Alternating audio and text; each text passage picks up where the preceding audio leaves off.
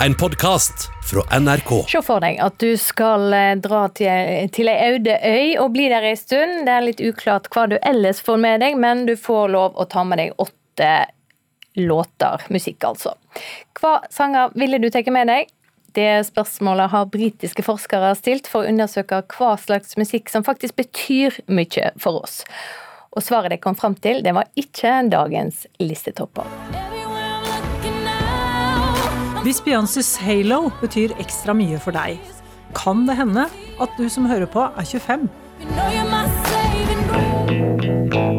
Får du sterke minner når du hører denne sangen?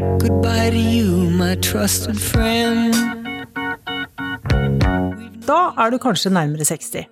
Da britiske forskere fra University of Westminster ba folk velge de sangene som betyr mest for dem, valgte mange sanger fra lang tid tilbake, skriver tidsskriftet Forskning.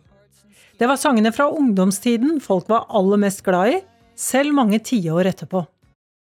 Det er vel i den alderen hvor de oppdager musikken. Og Professor Even Ruud fra Norges musikkhøgskole har forsket på musikk i mange år. musikken er viktig i forhold til vennskap, kanskje særlig.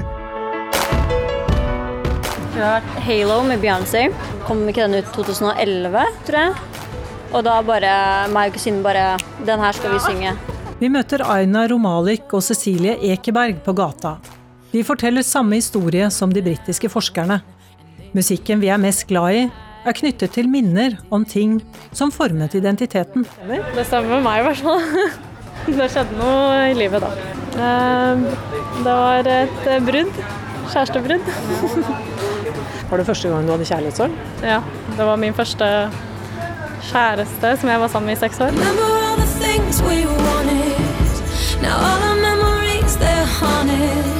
Den heter Already Gone, og det er sånn skikkelig grinesang. Du kan bare grine skikkelig i tiden. Og jeg griner skikkelig mye i tiden Hvis jeg er så skikkelig deprimert, så må jeg høre på den. Alle disse opplevelsene de inngår jo da i den fortellingen om oss selv. Og kan vi si identiteten er på en måte summen av, av, dette, av disse opplevelsene. da. Ser du på listen over de åtte sangene du ville valgt ut, vil du ifølge forskningen kunne oppdage noe om din egen identitet. Hver sang kan representere en hendelse eller et veiskille i ditt liv som betyr mye for hvem du er blitt. Ja, Når vi spiller musikk da, som har en personlig betydning for oss, så vil vi også samtidig bli minnet om hvor vi kommer fra, hvem vi er, da, hvor vi tilhører, hvilke venner vi har, hva vi har opplevd. Så Sånn sett kan man jo si at det er slags, et lydspor for, for vår identitet. da. Et lydspor for vår identitet, intet mindre. Reporter Elisabeth Grøndal. Rolf Lennart Stensøy, orkesterleder i Kringkastingsorkesteret. Yep. God morgen. God morgen. For oss som er vokst opp med progrock, så er jo denne oppgaven eh, litt eh, mer lystig, for det der var jo så lange sanger vi kan velge fra. Ja, det er ikke sant. Det, det, og den klassiske musikken er jo også lange sanger. Hvis man først bruker begrepet sang. Da man kunne jo ta en symfoni, f.eks., hvis det var lov å ta med seg. Ja, du må ta, ja, Hvis det skal være én sang, så må det være eh, liksom adagioen eller Ja, ikke sant. Det må ta med seg ta en sats, da. Ja, ok. um, dere i KORK vil ville altså finne en låt som kunne treffe det norske publikummet under isolasjonen. Ja. Um, som kunne bli en slags sånn koronalåt. Var det et vanskelig valg? Eh, nei, det, var, det, ble, det gikk veldig fort. Og det tror jeg var nøkkelen til at det ble eh, så at det traff så bredt. Fordi at eh, når ideen kom opp, så var det vel egentlig beslutta i løpet av noen få timer, og da var produksjonen i gang. For det skulle jo skrives arr og sånn. Men, men det, var, det var bare en, sånn, en samtale i gangen. Det her var en idé. Vi tar den låten der, hva syns dere om det? Og så kjente vel alle at den traff på en måte, da. Ja. Eh, og da var hjulene i gang. Og nå sitter det sikkert mange lyttere og lurer på hvilken låt er det, hva kan det være? Vi har svaret på det, vi. Ja.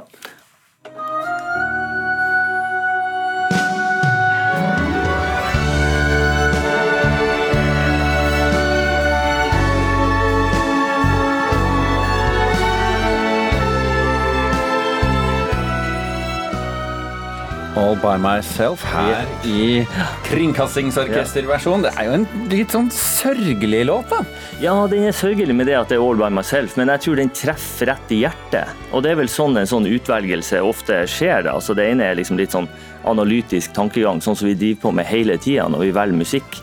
Og vi hører jo at det er ganske sånn pompøst her, så det kan Ja, ja, jo ja. ja ikke sant? få opp tror litt følelser. Og så trigga det alle de Når vi, vi begynte å snakke om det, skal vi ta den låten, så trigga det nok de følelsene. Så det eneste vi var redd for, var jo at noen andre skulle komme oss i forkjøpet. Oh, ja. Så vi visste at dette hasta, vi må få det ut fort. Ja, hvordan ble den prosessen da?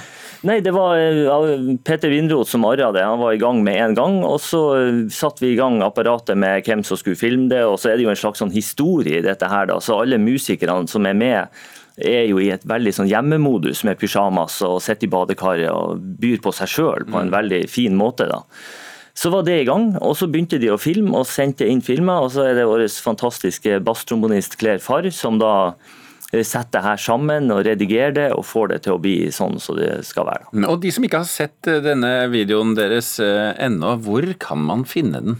Den ligger jo på Facebook, og det er jo der den har gått usedvanlig godt. Også på eh, Korks eh, nettside. da. Mm. Men uh, hvis vi nå skal gripe litt tilbake til uh, denne her, for det, det har noen likheter ved seg, denne krisen som vi har opplevd, og det å liksom måtte ende opp på en øde øy. Ja, Det er ja. ikke så lystbetont antagelig, hvis, det er, hvis premisset er at du skal være der litt eh, øde. Man må sitte alene, ikke sant. Ikke du skal sitte alene. Hva er viktig å huske på når man velger ut sanger, vil du si? Eh, For det første, så det du nevnte i stad, at de er lange, er jo en fordel. Sånn at man liksom rekker å komme gjennom litt variasjon. Eh, Og så er det det at det berører deg. At det er noe som du eh, virkelig Som setter i gang noen følelser.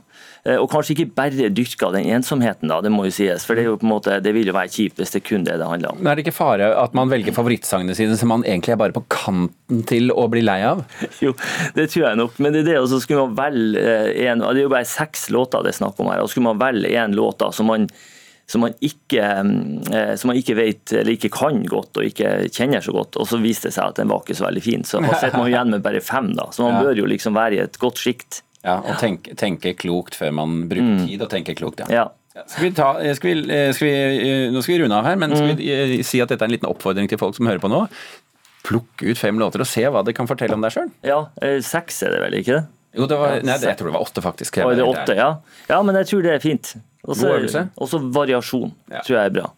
Rolf Lennart Stensø i KORK, takk for at du var med oss her i Nyhetsmorgen. Takk for meg.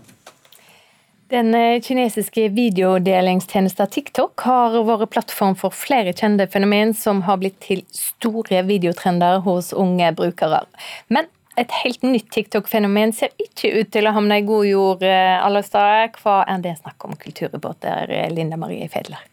Flere unge brukere deler nå filmsnutter under emneknaggen Holocaust Challenge, eller Holocaust-utfordringen. Ved bruk av sminke, kostymer og videofiltre later de som at de er jøder i konsentrasjonsleire under andre verdenskrig. I flere av filmene så spilles det av forskjellige poplåter, mens man kan lese bildetekster med monologer som inneholder fortellinger om bl.a. gasskammeret, tidspunktet ofrene døde og de fryktelige forholdene i leirene. Og flere av videoene har fått over 100 000 like klikk. Fortell litt om reaksjonene som er kommet. Trenden mottar sterk kritikk fra flere hold. Og her hjemme går Antirasistisk Senter hardt ut mot denne trenden, ifølge motenettstedet Melk og honning. Eh, Fungerende leder for ungdomsavdelingen Agenda X, Linda Tinuke Thomas Strandmyr, mener at det er en trivialisering av folkemordet, holocaust, og går så langt som å kalle det for traumeporno. Hun mener at man bør tenke seg godt om før man kaster seg på slike kampanjer. eh, For det kan jo faktisk virke støtende overfor noen, selv om hensikten er ment som god. Og så kommer det nå også fram at sjefen for TikTok eh, trekker seg, men det er ikke pga. denne saka. Hvorfor eh, slutter han? Den amerikanske sjefen Kevin Mayer slutter i jobben etter bare 100 dager etter at han ble øverste leder for TikTok. Årsaken er pga. at president Donald Trumps trusler om å forby den populære appen i USA, med mindre den selges til et amerikansk selskap. Takk skal du ha, Line Marie Fedler. Skal vi snakke om en uh, film som jeg tror er uh, å regne for en anbefaling. Uh, vi snakker om den franske filmen Oss to, som har norgespremiere i morgen. Her møter vi to pensjonerte nabokvinner som holder det skjult for omverdenen at de egentlig er samboere. NRKs filmkritiker Birger Vestmo lot seg begeistre av denne filmen, og sier at dette er en kjærlighetshistorie man ikke ser for mye av på kino. Jeg voulais vous en chose qui est très importante pour moi. Je voulais, je voulais vous dire que je vous aime. Santé, maman. Den franske filmen Oss to er en kjærlighetshistorie som overrasker med utviklinga som åpner for flere interessante konflikter og problemstillinger. Barbara Sukova og Martin Chevalier spiller sterkt i en film med rom for både sinne, sorg, desperasjon og hjertevarme. Regissør Filippo Meneghetti lar nok frontene bli i overkant steile i deler av filmen, men her er det likevel nok å la seg engasjere av og legge følelser i. Oss to skildrer skarpt og intelligent et nydelig forhold som settes på store prøver. Madame Girard, votre voisine est venue vous voir. Madeleine. C'est drôle quand même d'avoir choisi cet endroit pour prendre sa retraite. Ça, c'est le Colisée. C'est marrant, dirait Madame Dorn.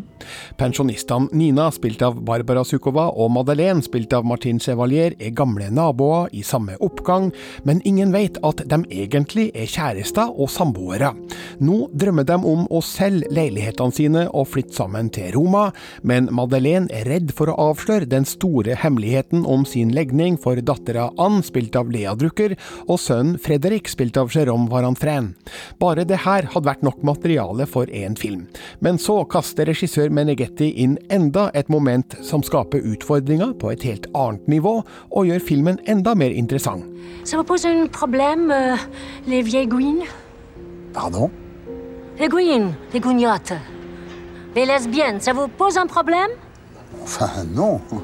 Oss to er en veldig god film, men når den likevel ikke får toppkarakter, skyldes det først og fremst at Madaleines datter og sønn skildres for enkelt og stivbeint.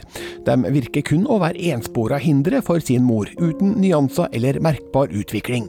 Manuset innfører noen trusler mot hovedfigurene som virker mindre sannsynlige, og den har noen symboltunge drømmesekvenser som blir litt tunge på labben, i en film som ellers fører en spartansk stil. Oss to har likevel svært mye man kan sette pris på, først og fremst det vakre samspillet mellom Barbara Sukova og Martin Chevalier. Man skal være iskald for å ikke la seg smelte av varmen og hengivenheten, og viktigst av alt er at det her er en type kjærlighetshistorie du ikke ser mange av på kino. Combien de fois tu m'as sorti cette excuse Combien de fois tu m'as sorti cette excuse Je te dis que j'ai essayé. Arrête, arrête Terningkast fem. En ganske klar anbefaling fra Birger Vestmo, med andre ord. Det var han som var eh, vår filmkritiker, og filmen heter altså Oss to. Har premiere i morgen. Du har hørt en podkast fra NRK. Hør flere podkaster og din favorittkanal i appen NRK Radio.